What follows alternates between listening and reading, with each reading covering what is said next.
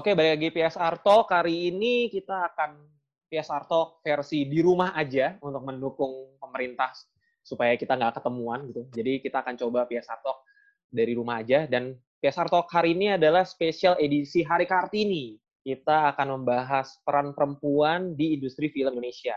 Nah, karena spesial edisi Hari Kartini, kayaknya kalau gue dan Isman kayaknya nggak nggak representatif nih. Makanya kami mengundang Mbak Tepi sebagai host Hai. dari Narasi Entertainment. Halo Mbak. Biasanya dikenal dengan Halo. Tepiometer ya. Ya, Mas Naras TV. Tepiometer. Terima kasih loh. Sudah kita mau saya. Terima kasih udah datang juga Mbak. lebih tepatnya kita yang terima kasih ya. Ya kita yang terima diajak. kasih sebenarnya. Udah mau Gimana diajak. gimana? Eh, mungkin mungkin Mbak bisa ceritain dulu nih sama ini gimana nih dari rumah aja. Nggak nge-review film, nggak ada film baru.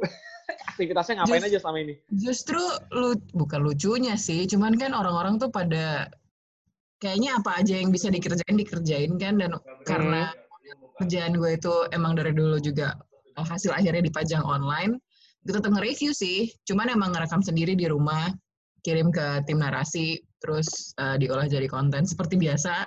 Eh, memang nggak ada nggak nge-review film yang di bioskop, tapi apa yang gue tonton sekarang gue review dan itu eh, dalam bentuk video sama tulisan gitu. Jadi intinya hidup gue nonton aja. Oh wow. Oh berarti Tapi terakhir tuh aku aku lihat yang ngobrol sama Asmar Abigail ya. Iya. Nah itu tuh gimana tuh? Eh, Itu ngobrolin apa tuh? Apa ngobrolin film juga atau gimana? Apa random aja gitu? Enggak, enggak, enggak random sih, tapi jadi kan itu kan baru-baru kita pada karantina semua kan. Mm-mm. Terus eh, gue sama tim mikirin, nggak, nggak mungkin dong kayak kita biarin konten ini mati seiring kita semua ada di dalam rumah. Jadi oke apa ya yang bisa kita angkat gitu. Salah satunya yang paling dekat waktu itu yang pagi, masih sering dibahas karena kita baru-baru karantina, eh, Asmara yang lagi di Itali, Itali kan udah duluan. Jadi kita Oh, iya. wawancara dia untuk nanya kondisi dia gimana segala macam.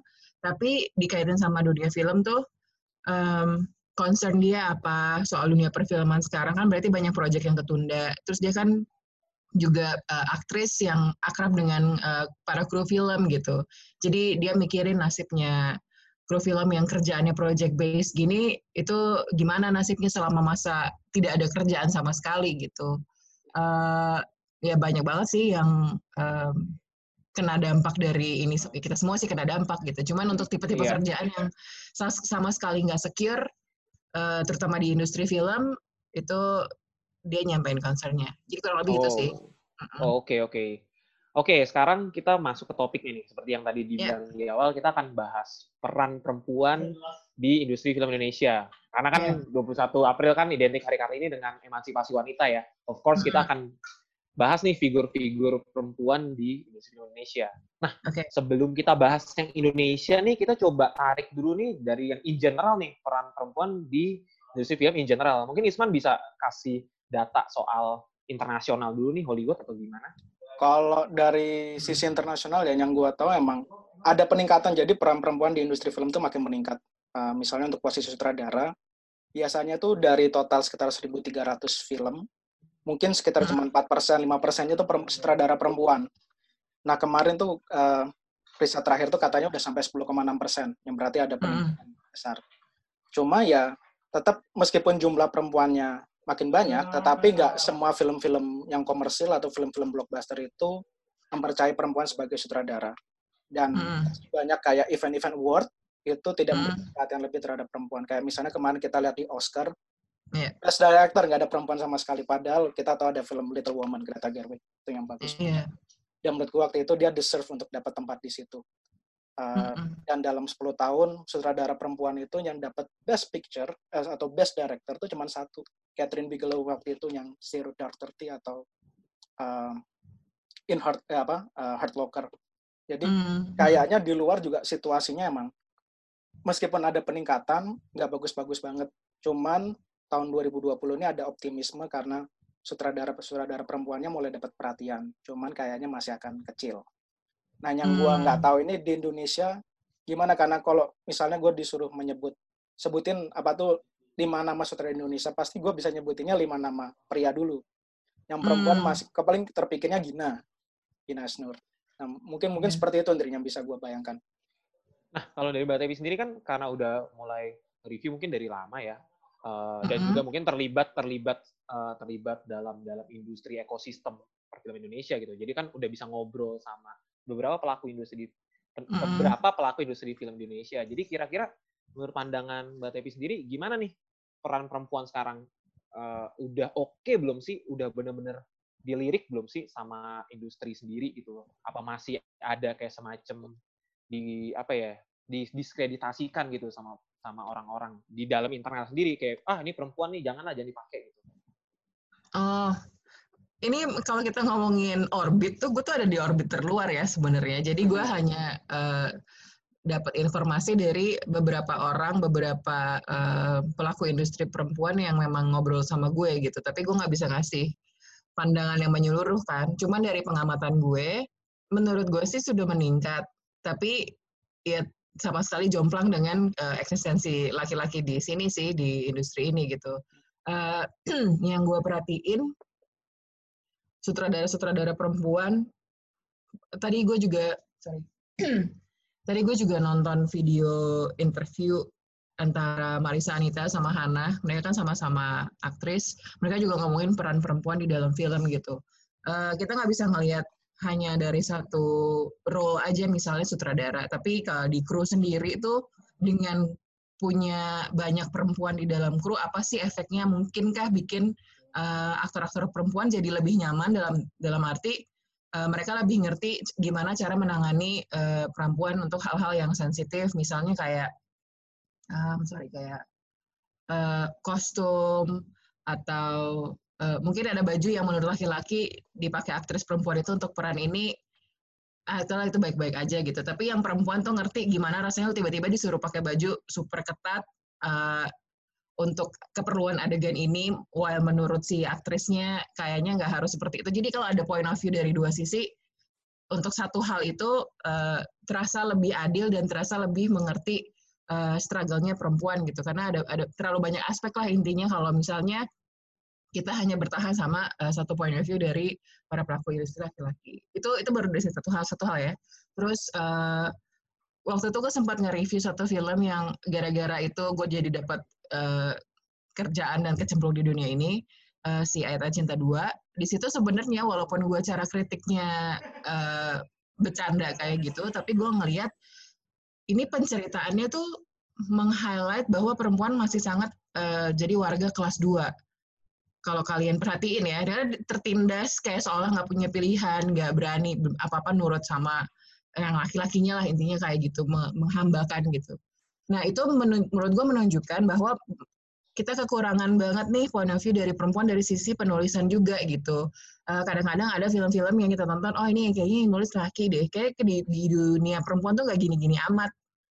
Uh, atau kayak kurang pandangan. Makanya gue suka dengan uh, dua garis biru itu menurut gue Gina menyisipkan uh, porsinya dengan adil bahwa emang ada dua tipe ibu yang berbeda kayak misalnya uh, Lulu Tobing uh, dari dunia ya. yang uh, lebih menengah ke atas, satu lagi ibu-ibu yang uh, menengah ke bawah dengan cara pikir dan cara bersikap yang beda, tapi mereka masih sama-sama. Lo bisa lihat mereka punya dua kekuatan ya. kan, betul, betul. dengan caranya sendiri gitu. Itu dari sisi uh, apa namanya cerita dan menurut gue kita masih butuh banyak banget cerita-cerita yang uh, imbang uh, nunjukin perempuan tuh seperti apa. Jadi nggak cuma satu layer aja gitu loh. Kalau perempuan tuh karakternya seperti ini. Tapi orang kan mau laki-laki mau perempuan kan kisah hidupnya tuh kompleks gitu loh. Apa yang membentuk dia itu kompleks. Itu yang gue ngerasa masih kurang gue lihat. Uh, dan mulai pelan-pelan ada. Terus uh, dari sisi kemarin gue ngobrol sama karena gue lagi ikut kelas uh, produser, ada beberapa pro produser perempuan Mbak Meiske Lorisha atau Mbak Dede, Mbak Shanti Harmain. Nah dengan adanya orang-orang um, yang apa ya namanya, gimana ya gue me mengurainya dengan baik nih. Uh, ketika lo handle satu project film, kalau lo punya lebih dari satu point of view, pasti project lo akan lebih kaya dan lebih rapi menurut gue karena lo bisa lihat dari sisi kita tuh nggak bisa memungkiri bahwa perempuan tuh lebih sensitif dan uh, oh, iya. mungkin cara melihat sesuatu tuh berbeda sama laki-laki mungkin laki-laki lebih praktis hmm. tapi mungkin uh, masing-masing ada positif negatif gitu tapi kalau di sinergiin bareng menurut gue tuh jadi jadi jauh lebih efektif sih gitu. Jadi gue senang aja kalau ada figur-figur yang udah matang seperti ini ikut terlibat dalam proyek-proyek yang bisa memperkaya hasil nah, dari proyek itu sendiri. Kayak film-filmnya jadi lebih punya bobot, punya lebih rapi dan lebih imbang. Hmm. Gitu. Yeah. I see, I see. Kalau kalau kalau kalau dari kalau dari sisi itu kan tadi kan dari sisi industri ya kita lihat ya. Iya. Moga-moga gue gak soto ya nih, tapi ini yang gue iya, lihat iya, gitu. Gak apa-apa. Gak apa-apa, gak apa-apa. Itu kan persepsi dan maksudnya memang analisa, analisa bagus. Iya. Sebagai, Terus, sebagai ini kan ekosistem. Mm-hmm. Nah, tadi kan dari sisi industri. Kalau dari sisi Mbak Tepi sendiri sebagai movie reviewer, ada nggak sih sempat kayak dipandang sebelah mata? Tadi kan masa angle ya, kalau laki-laki lebih praktis, kalau perempuan mungkin lebih emosi. Jadi kan termasuk dalam penilaian review, mungkin juga itu kan review itu subjektif ya pada akhirnya mm. ya. Maksudnya uh, walaupun kita mencoba subjektif mungkin pada akhirnya kan sesuai selera masing-masing gitu. Yeah.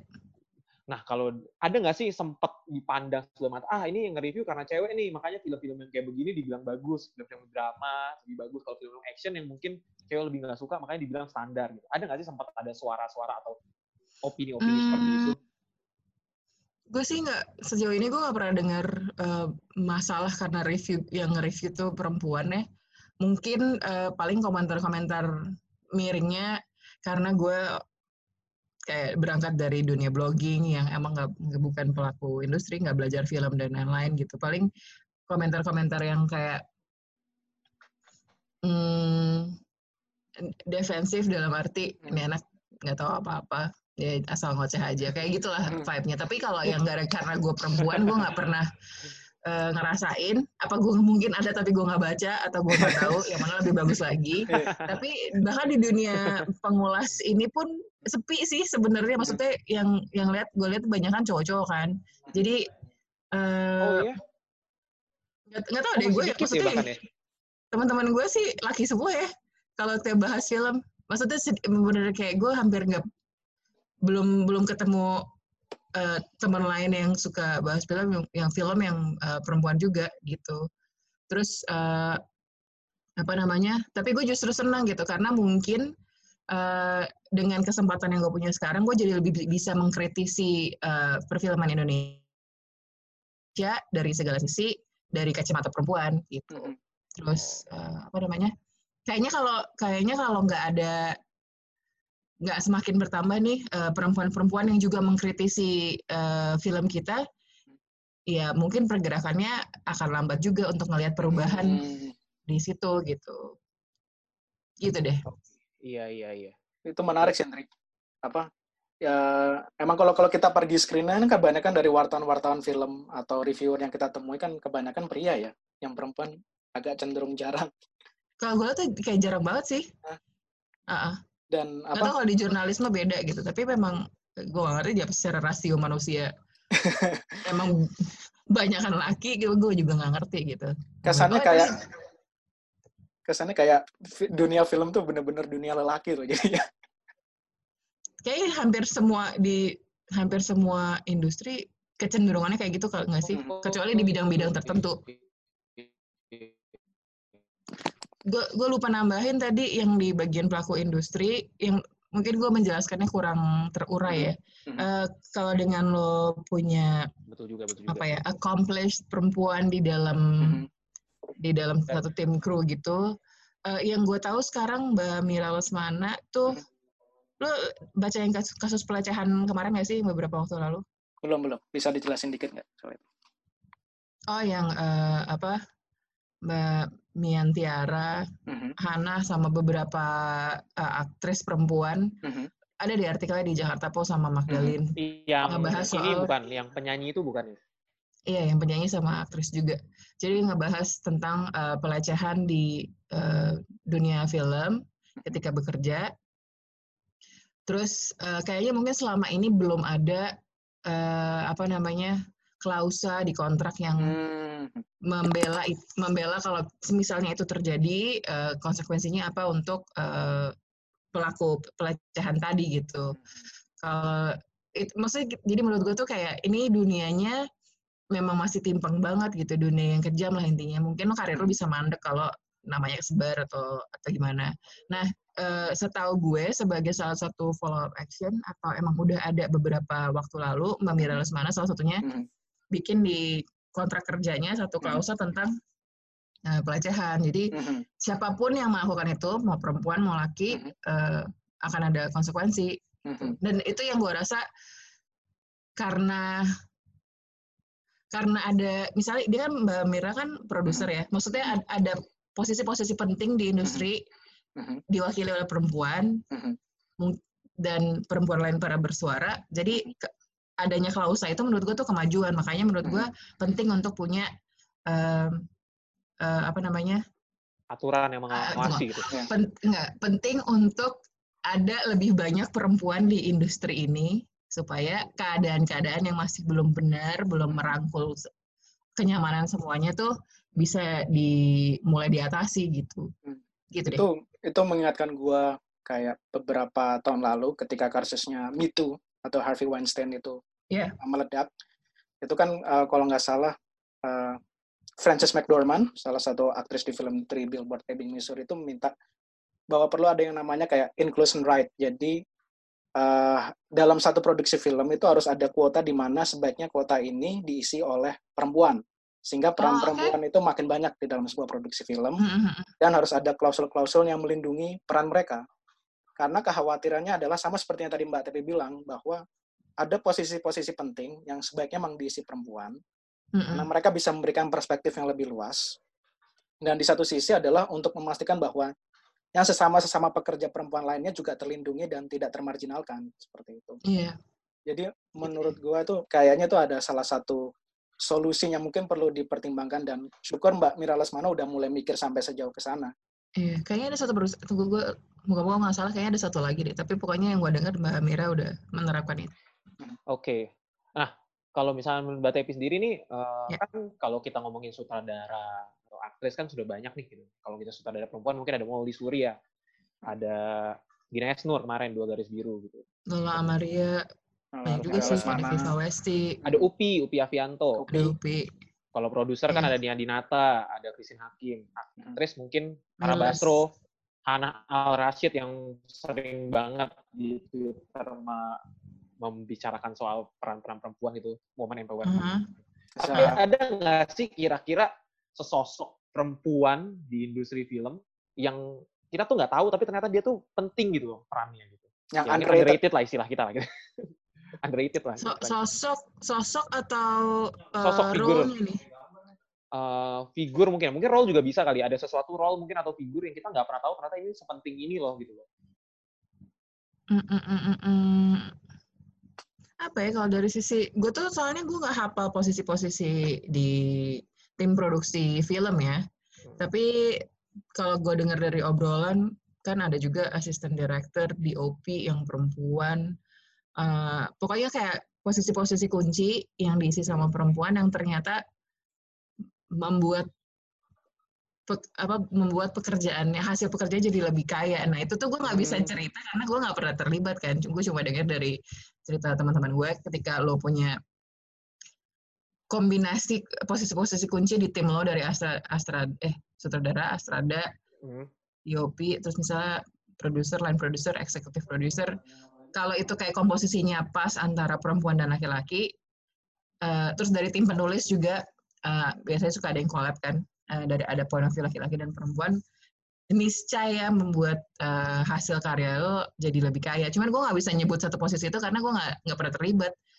Takutnya malah ini apa salah gitu apa ya peran yang ternyata penting kayak semuanya penting sih dan maksud gue yeah. juga nggak mau kayak seolah bikin kayak apa dengan adanya perempuan dia tiba-tiba jadi superhero di dalam satu produksi ini hmm. sih cuman menyeimbangkan porsi laki-laki yeah. sama perempuan aja ada angle lah ya aman ha -ha. ada angle-angle yang beda iya yeah, iya yeah. oke mungkin pertanyaan terakhir man kalau paling terakhir, tadi kan kita bicara dari orang yang di dalam di dalam lingkaran terdalam industri film.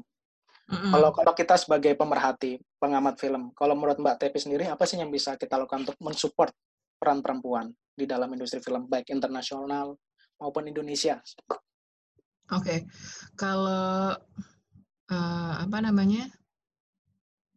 Kalau gue sebagai dari view pengulas, hmm. gue pengen selalu pengen selalu rajin nge-review, hmm. kritis nge-review uh, sehingga apa yang menurut gue nggak adil di layar tuh bisa gue sampaikan hmm. Bisa gue nggak gue nggak punya agenda mengedukasi masyarakat sih. Cuman semakin banyak uh, semakin banyak uh, sajian yang orang baca nggak cuma dari satu angle menurut gue akan melatih orang-orang juga jadi lebih kritis berpikirnya gitu. Dan moga-moga ada orang-orang yang ngikutin untuk lebih kritis melihat film termasuk para hmm. perempuan gitu. Nggak nggak nonton tuh mungkin untuk beberapa konten ada yang emang film ringan yang bisa dinikmati gitu tapi untuk beberapa hal bisa kita kritisi hmm. sehingga ini tuh gimana ya menurut gue tuh berlayer banget gitu loh, sistemik gitu dan dan menurut gue film tuh merefleksikan masyarakatnya. Jadi kalau oh. kontennya masih apa? masih di begitu karena penikmatnya masih di di level itu juga belum di teredukasi gitu.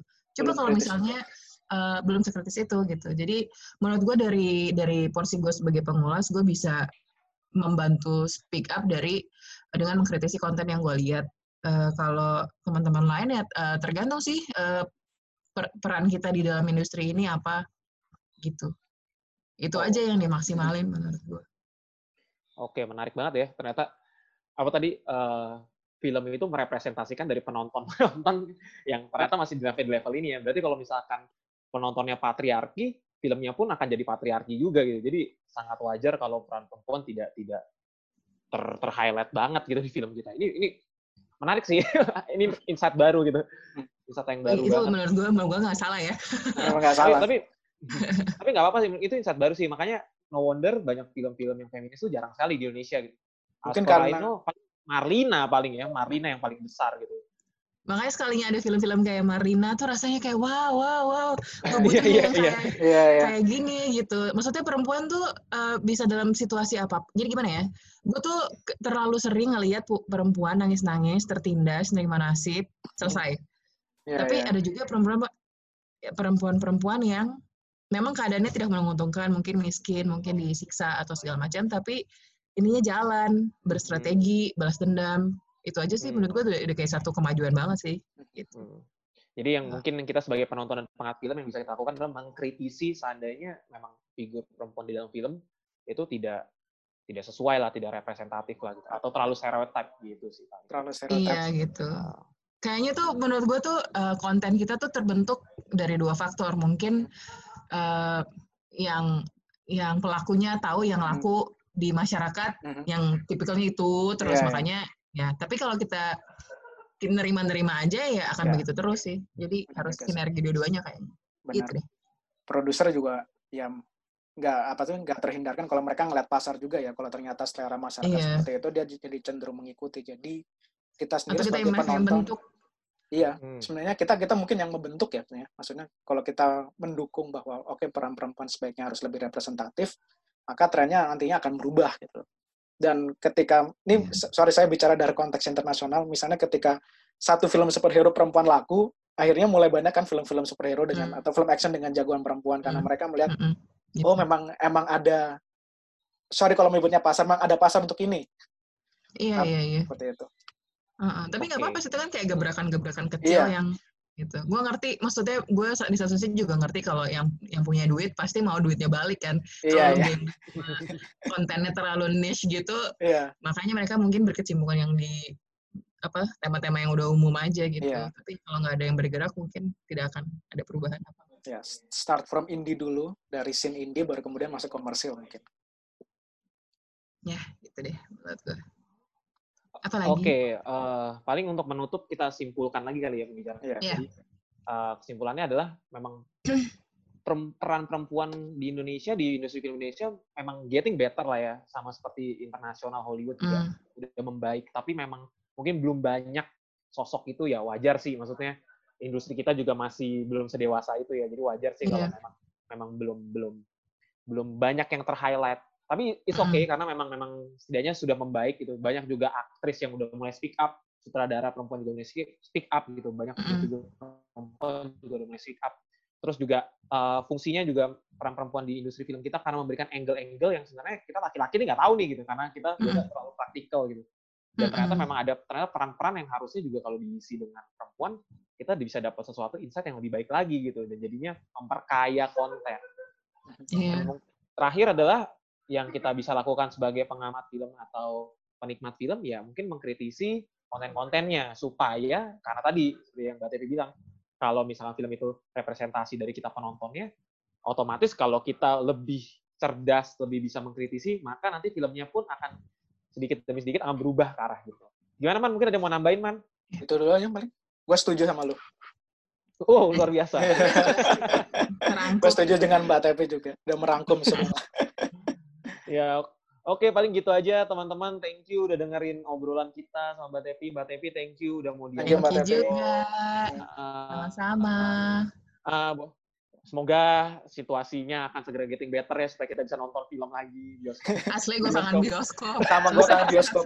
Gue gue kangen dibisikin all around you. Asli. Semoga Baru ya. ini gue pengen lihat iklan di sebelum nonton. yeah. nonton, nonton trailer di YouTube sama di bioskop tuh beda. Beda.